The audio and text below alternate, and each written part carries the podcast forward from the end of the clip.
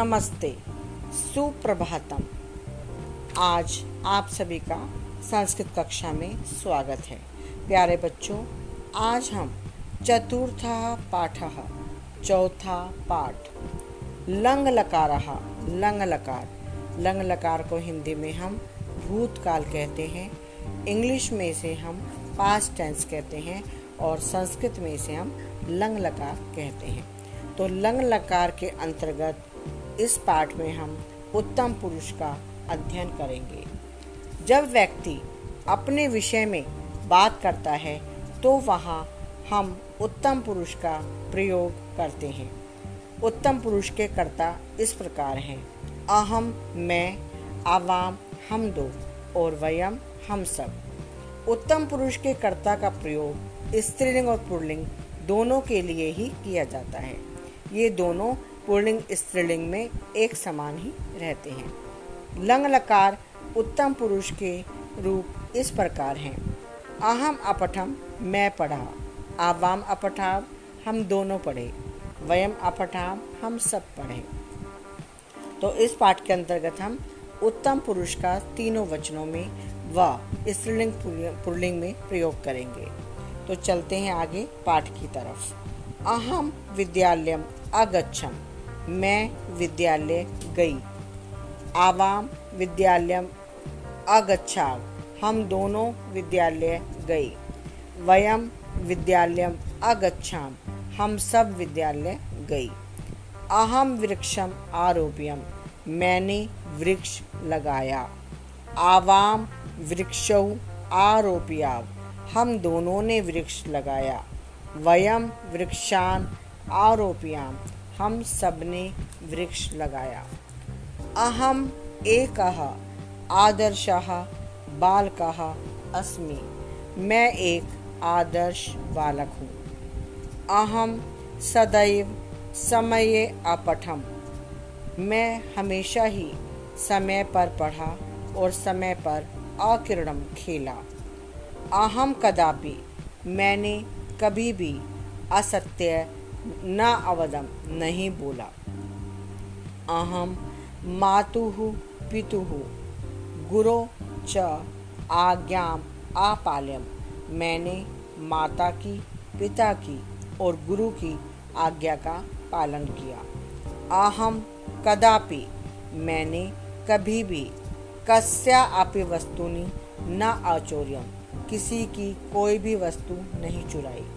मम मित्रम अहम च यह दिल्ली दर्शनाय आगच्छा मेरा मित्र और मैं कल दिल्ली दर्शन के लिए गए।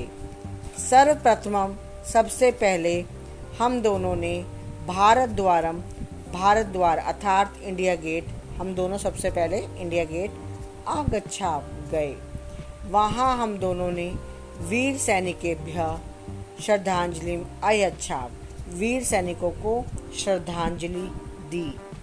तत्पश्चात उसके बाद जंतुशालाम आगच्छा जंतुशाला गए।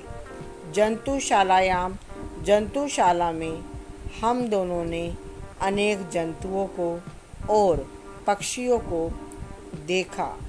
आवाम, आनंदम, अनुभवाव। हम दोनों ने आनंद का अनुभव किया।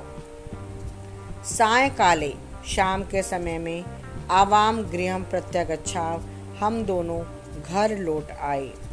गत वर्षे, पिछले वर्ष, वयम परिवारेण सह हम सब परिवार के साथ भ्रमणाय पर्वतीय स्थलम आगच्छा घूमने के लिए पर्वतीय स्थल पर गए।